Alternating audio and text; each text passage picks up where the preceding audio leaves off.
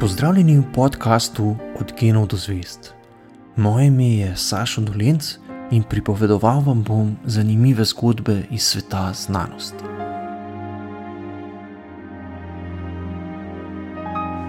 Črne luknje so gotovo prav pri vrhu seznama najbolj nenavadnih predmetov v vesolju.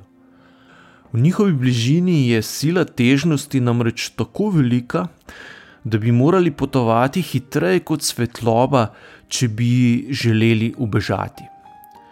Ker pa nič ne more potovati hitreje kot svetloba, ostane vse, kar zaide v črno luknjo, za večne čase ujeto v njeni notranjosti.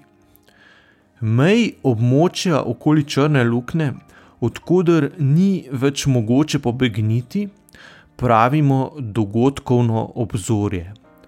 To je območje, kjer niti svetloba ni več dovolj hitra, da bi še lahko bežala težnosti črne luknje. Možnost, da v vesolju v resnici obstajajo predmeti, iz bližine katerih ne more pobegniti prav nič, je fizikom znana že vrsto let. Vendar dolgo nihče ni v resnici verjel, da lahko nekaj tako nenavadnega, kot je črna luknja, dejansko obstaja v naravi. Tudi sam Albert Einstein sprva ni bil povsem prepričan, ali nenavadne napovedi njegovih enačb splošne teorije relativnosti opisujejo resnične predmete v vesolju. Za nastanek črne luknje potrebujemo namreč na prvi pogled ekstremne razmere.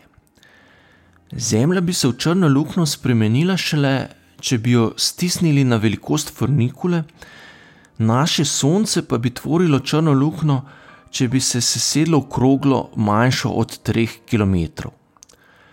Šele takrat bi bila namreč težnost na površju dovolj velika, da niti svetlobi ne bi uspelo uiti. Zanimivo pa je, da vse črne luknje nimajo nujno zelo velike povprečne gostote.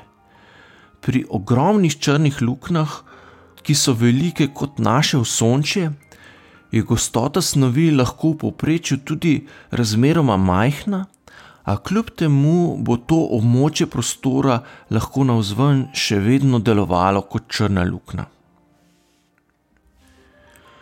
Na možnost, da črne luknje morda res obstajajo, so astronomi najprej posumili, ko nekaterih zelo svetlih pojavov na nebu niso znali pojasniti drugače, kot da njihovo sevanje izvira iz izjemno vročih razmer, ki jih povzroča padanje snovi v predel z zelo veliko težnostjo. Prve črne luknje so zaznali po navidez nenavadnem gibanju zvezd v njihovi okolici. Če namreč opazimo, da se kakšna zvezda nenavadno premika po nebu in hkrati ne vemo, zakaj to počne, je eden od vzrokov lahko tudi, da kroži okoli nevidne črne luknje.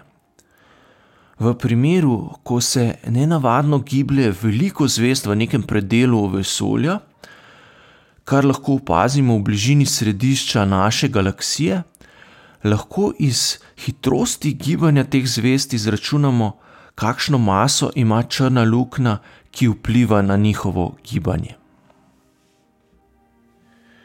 Aprila 2019 so znanstveniki javnost obvestili, da jim je črno luknjo prvič uspelo tudi fotografirati.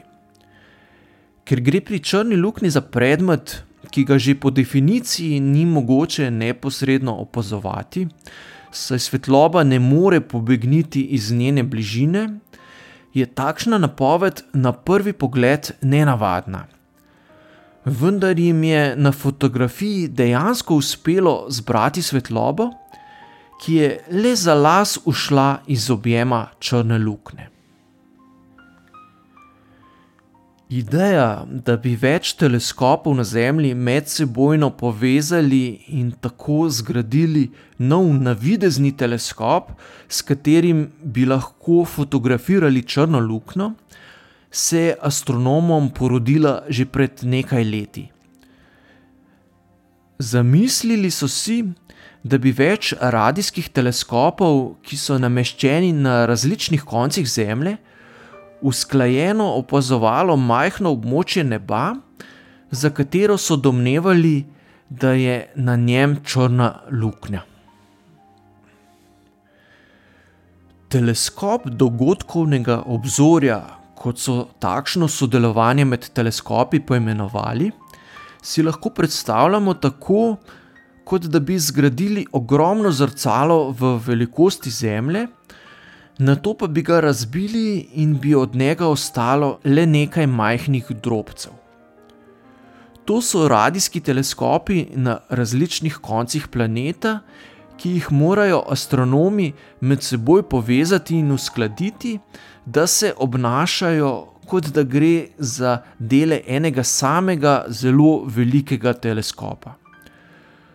Usklajenost v tem primeru pomeni, da morajo vsa opazovanja izvesti tako natančno, da so podatki medsebojno usklajeni na ravni najbolj natančnih atomskih ur, kar je tehnično izjemno zahtevno. Podatke, ki so jih ločeno zbirali na več različnih radijskih teleskopih, so shranjevali na zelo hitre diske in jih na to z letali pripeljali na inštitut, kjer so jih analizirali s pomočjo zmogljivih računalnikov. Z računanjem so iz zbranih podatkov tako poustvarili sliko, ki naj bi ustrezala viru signala, ki so ga zaznali s pomočjo teleskopov.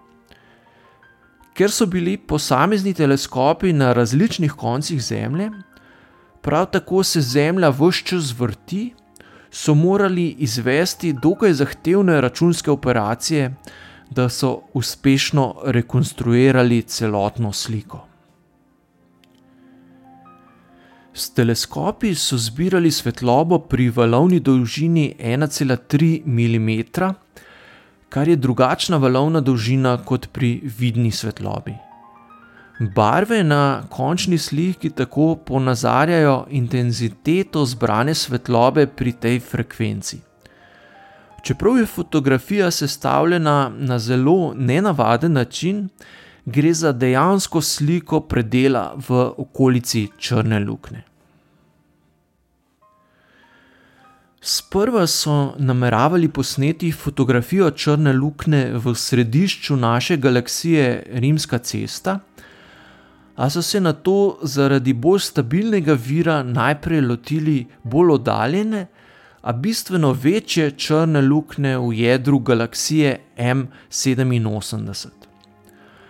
Ta črna luknja, velikanka, ima namreč maso kar 6,5 milijarde sončevih mas.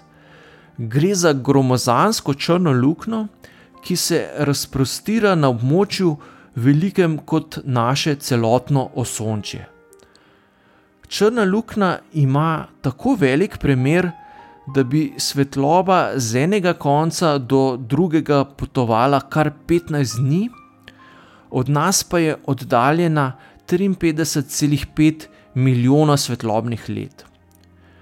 Ker svetloba ne potuje neskončno hitro, jo danes z Zemlje opazujemo takšno, kakršna je bila nekje v obdobju, ko so na Zemlji izumirali dinozauri. Črna luknja v središču naše galaksije je bistveno manjša, vendar je hkrati veliko bliže.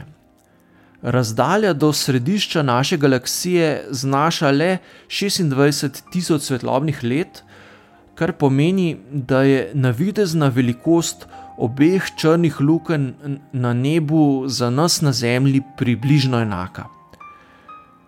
Pričakujemo lahko, da bo teleskop dogodkovnega obzorja kmalo objavil tudi fotografijo ali morda celo kratek film nam bližne črne luknje v središču rimske ceste.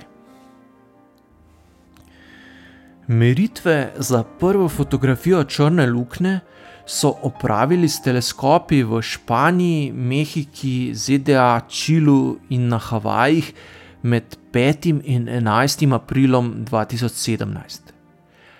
Imeli so srečo, da je bilo v tistem obdobju nebo hkrati jasno na osmih različnih koncih Zemlje kar štiri dni.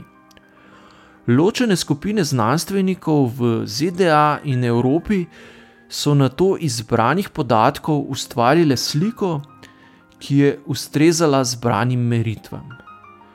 Sledilo je še natančno preizkušanje najrazličnejših možnosti, kaj vse bi lahko vplivalo na zbrane podatke in zaradi česar slika morda ne bi bila verodostojna. Ko so z veliko različnimi testi pokazali, da nikjer ni prišlo do napake, so zaključili, da zbrani podatki dejansko ustrezajo podobi okolice Črne luknje. Spomladi 2019 so rezultate javno objavili v seriji znanstvenih člankov in priredili velik medijski dogodek. Dogodkovno obzorje oziroma meja, od katere niti svetloba ne more več pobegniti, je v sredini fotografije in je približno 2,5 krat manjše kot črnina, ki jo obkroža svetov oranžni obroč. Svetloba, ki so jo zaznali, prihaja iz zadnjih stabilnih orbit, po katerih lahko snov še kroži, preden jo dokončno posrka v črno luknjo. Pri teh orbitah se snov giblje z zelo veliko hitrostjo in zato močno seva. Snov v bližini črne luknje žari pri približno 100 milijonih stopinj, kar je strašansko vroče, če vemo, da znaša temperatura na površju Sonca nekaj tisoč stopinj. Zakaj na fotografiji črne luknje vidimo le svetlo obroč, ne pa svetle krogle, si lahko pojasnimo s prispodobo. Če bi po Luni v različnih smereh vozilo zelo veliko avtomobilov s prižganimi sprednjimi žarometi, bi prav tako opazili le svetlo obroč. Le na predelu Lune, na katerem imajo avtomobili sprednje luči usmerjene neposredno proti nam, bi namreč zaznali svetle pike, sicer bi žarometi svet, svetili v druge smeri, ne proti Zemlji. Pri sliki črne luknje je malo svetlejši tisti del obroča, kjer se snov, ki seva, giblje v smeri proti nam. Fotografija črne luknje velja za najbolj podrobno sliko makroskopske narave do sedaj. Ločljivost teleskopa, s katero so jo posneli, je skoraj da neverjetna, saj ustreza napravi, s pomočjo katere bi lahko iz Ljubljane brali časopis, ki bi bil v New Yorku. Revija Science je fotografijo črne luknje razglasila za najpomembnejši dosežek znanosti v letu 2019.